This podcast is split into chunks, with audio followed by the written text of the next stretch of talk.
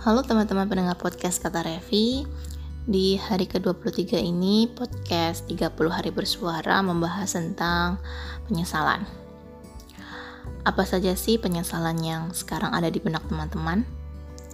Apakah ada hal-hal yang ingin kalian perbaiki atau masih tertunda hingga sekarang? Namanya penyesalan itu pasti terjadi karena kita pernah melakukan kesalahan atau kita belum melakukan sesuatu hingga akhirnya terfikirkan sampai sekarang. Menurut saya dua hal ini ya yang menjadi utama. Lalu di podcast kali ini saya tidak ingin menceritakan penyesalan apa saja yang pernah saya alami atau sekarang ya sekali mengganggu pikiran saya. Karena buat apa ya berbicara tentang uh, sesuatu yang malah membuat pikiran negatif. Setiap orang pasti punya penyesalan. Cuma bagaimana cara kita menghadapi itu dan hidup untuk maju dan ber berkembang lebih baik. Bagi saya itu yang paling penting. Karena tidak mungkin kita lepas dari kesalahan. Karena kita uh, impossible juga ya kalau sampai kita menjadi orang yang bersih dari pengalaman yang buruk. Lalu bagaimana cara saya menyikapi penyesalan hingga supaya uh, hidup saya masih bisa berjalan lebih baik atau saya tidak sampai terpuruk karena penyesalan itu. Ini butuh waktu sih dan juga uh, butuh support system yang baik. Alhamdulillah saya memiliki circle pertemanan dan juga orang tua yang suportif. Jadi penyesalan itu uh, paling tidak eh, nggak uh, sampai ya membuat hidup saya kacau balau hingga waktu yang lama. Cara saya untuk menghadapi penyesalan, yang pertama ketika saya merasa menyesal telah melakukan kesalahan, maka saya akan berusaha belajar untuk menelaah apa sih tindakan salah yang sudah saya lakukan. Jika memang ada orang yang tersakiti dan saya tahu, maka saya akan berusaha untuk meminta maaf.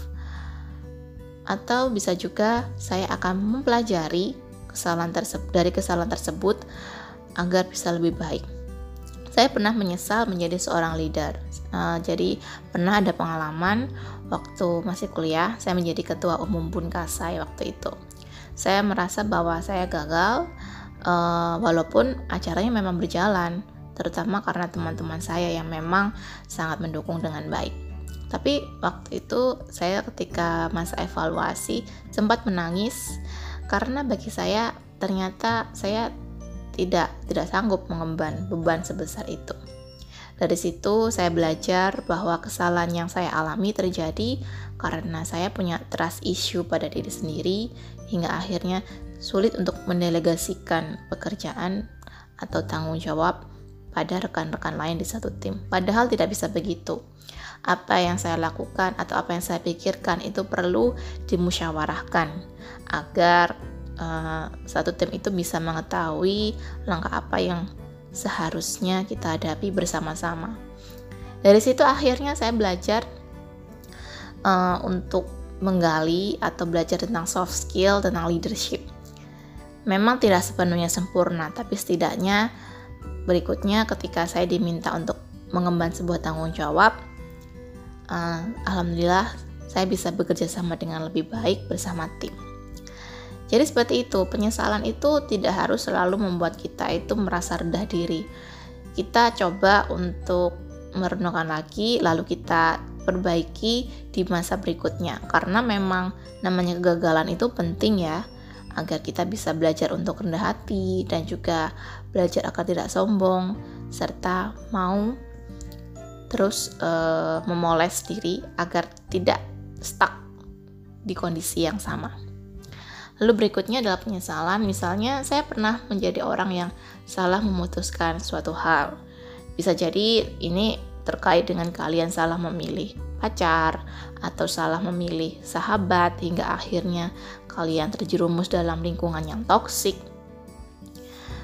Menyesal itu kadang-kadang muncul ya, karena saya merasa aduh kok kayaknya wasting time banget bertemu dengan orang-orang seperti itu? Atau kenapa sih aku bisa bucin sampai akhirnya uh, nggak fokus sama kuliah atau nggak fokus untuk memperbaiki diriku? Bisa sa bisa saja muncul perasaan seperti itu.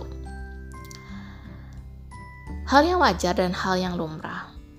Kalau penyesalan itu kadang-kadang masih menyusup di kesadaran kita atau menjadikan kita orang ya yang sangat berhati-hati ketika menjalin hubungan baru. Tetapi jangan sampai hal itu membuat kita takut untuk membuka diri.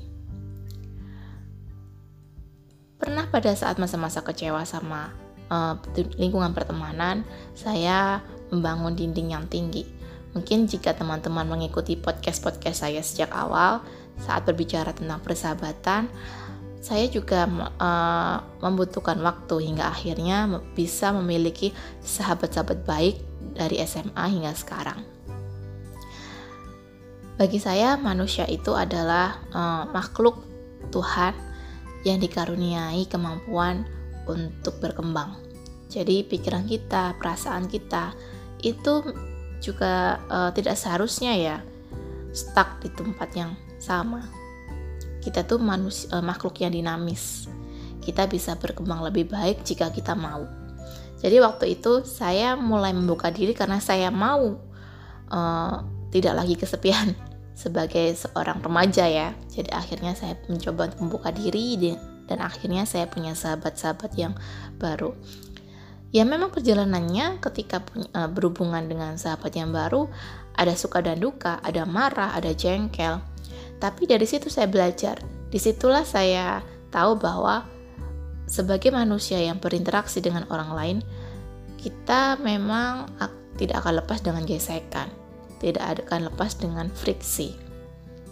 Tapi bagaimana cara kita menyikapi dan juga bagaimana cara kita mau untuk belajar. Sekali lagi yang selalu saya tekankan adalah belajar.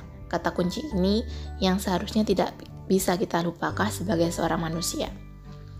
Jangan sampai karena kesalahan di masa lalu, kita akhirnya menjadi orang yang tertutup, eh, lalu tidak mau memperbaiki diri, atau malah menjadi egois karena merasa, ah, eh, buat apa sih menyesal? Ya, aku kan sudah begini, tidak boleh seperti itu. Kita harus akui bahwa kita punya kekurangan, kita juga pernah melakukan kesalahan. Ini yang paling penting, kesadaran untuk mengakui. Jadi uh, inilah um, opini saya hari ini. Jika teman-teman punya penyesalan, cobalah untuk menuliskannya mungkin di buku harian kalau kalian tidak menemukan orang yang bisa dipercaya untuk diajak bercerita. Renungkan lagi, apakah penting menyesal terlalu lama? Langkah apa sih yang sebenarnya perlu kita lakukan agar penyesalan itu tidak membuat kita jadi orang yang kurang produktif? Sekian podcast kata Revi hari ini. Semoga teman-teman pendengar memiliki kabar yang baik dan juga hari yang ceria untuk menghadapi uh, hari ini. Sampai jumpa di podcast kata Revi berikutnya.